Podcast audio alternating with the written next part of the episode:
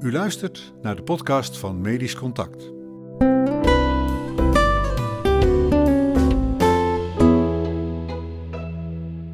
Een hoofdredactioneel commentaar van Berto Nieboer.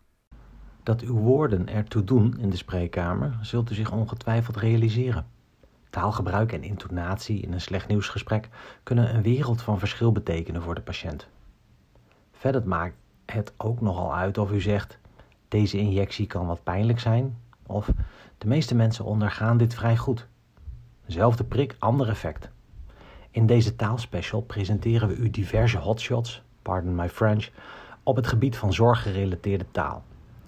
De artikelen over de placebo-werking van de juiste woorden met professor Andrea Evers, de neurobiologie van taal met professor Peter Hagoort, de valkuil van afkortingen met medisch terminoloog Sander Mertens en het hypertensieve effect van jeukwoorden in de zorg met columnist en zelfverklaard taalpurist Japke D. Bauma zullen u ongetwijfeld nieuwe inzichten opleveren die u meteen na het lezen in de praktijk kunt brengen. Verder heeft u massaal gereageerd op onze oproep voor de verspreekkamer, waarvan u de hoogtepunten ook terugvindt in deze special. Toch blijft er iets bijzonders met die taal.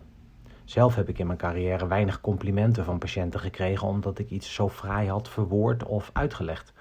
Maar wel vanwege het feit dat ik goed had geluisterd tijdens de anamnese of ruimte liet voor stiltes tijdens het consult.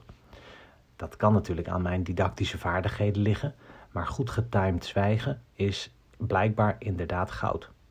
Laten we dit ook vooral overbrengen aan onze jonge aanstaande collega's. Van een heel andere orde is de nieuwe beeldtaal die we u deze week presenteren.